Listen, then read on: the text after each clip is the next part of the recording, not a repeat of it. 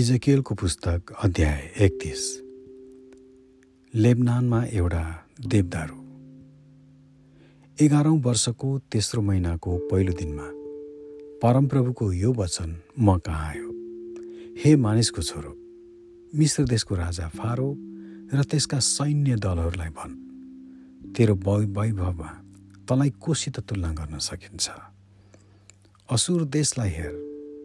लेबनानमा त्यो एउटा देवदारू नै थियो जसका सुन्दर हाँगाले वनलाई ढाकिरहेका थिए।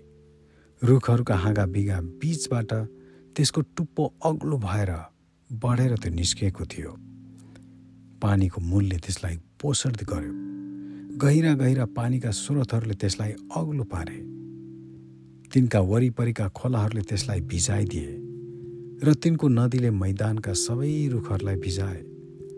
यसरी मैदानका सबै रुखहरूमा त्यो सबैभन्दा अग्लो भयो।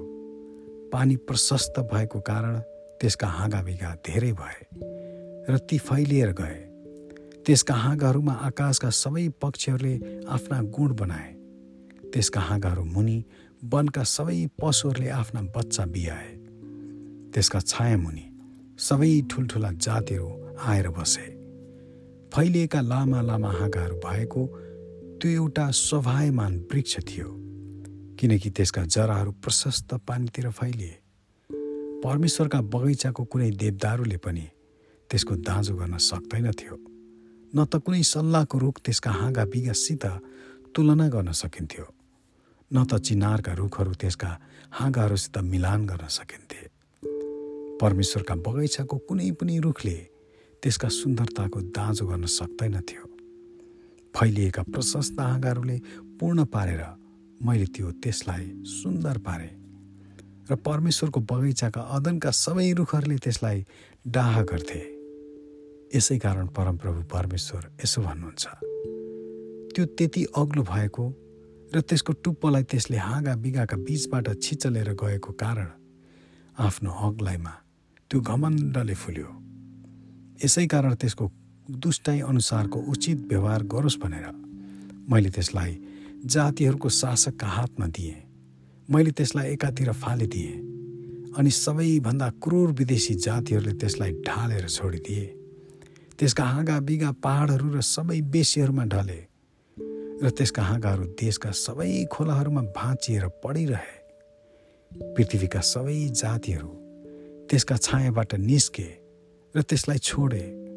ढलेको त्यस रुखमा आकाशका सबै पक्षीहरू बसे र त्यसका हाँगाहरूका माझमा वनका पशुहरू थिए। यसकारण फेरि कहिल्यै पानीको छेउमा उम्रेका कुनै पनि रुखहरू यति अग्ला घमण्ड साथ बढ्ने छैनन्। बाघला हाँगा बिगाका बिचबाट छिचलेर तिनीहरूका टुप्पाहरू बढेर माथि निस्कने छैनन्।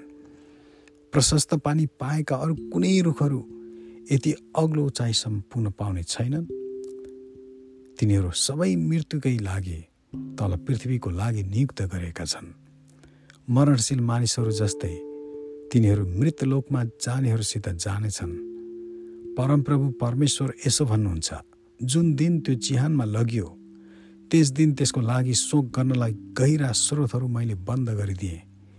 मैले त्यसका खोलाहरू थुनिदिएँ र त्यसका प्रशस्त पानीहरू रोकिए। त्यसैको कारण मैले लेबनानलाई शोक पहिराइदिएँ र वनका सबै रुखहरू ओइल्याए जब मैले त्यसलाई मृत लोकमा जानेहरूसँग चिहानमा झारिदिएँ तब मैले जाति जातिहरूलाई त्यो लोटेको आवाजले थर्काएँ। तब अदनका सबै रुखहरू लेबनानका सबैभन्दा मनपर्ने र असल रुखहरू प्रशस्त पानी पाएका सबै रुखहरूले पृथ्वी मुनि सान्त्वना पाए। त्यसका छायामा बस्नेहरू अर्थात् जाति जातिहरूमध्येका मित्र राष्ट्रहरू पनि तरवारले मारेकाहरू सँगसँगै चिहानमा मिल्न गएका थिए। ऐश्वर्य र वैभवमा अदनका रुखहरूमा अरू रुखसित तुलना गर्न सकिन्छ? तापनि त पनि अदनका रुखहरूसितै पृथ्वीको तलतिर झारिनेछस्। त पनि खतना नभएकाहरूसित तरवारले मारेकाहरूसँग पढिरहनेछस्। यो चाहिँ फारो र त्यसका सबै सैन्य दलहरू हो। परमप्रभु परमेश्वर भन्नुहुन्छ। आमेन।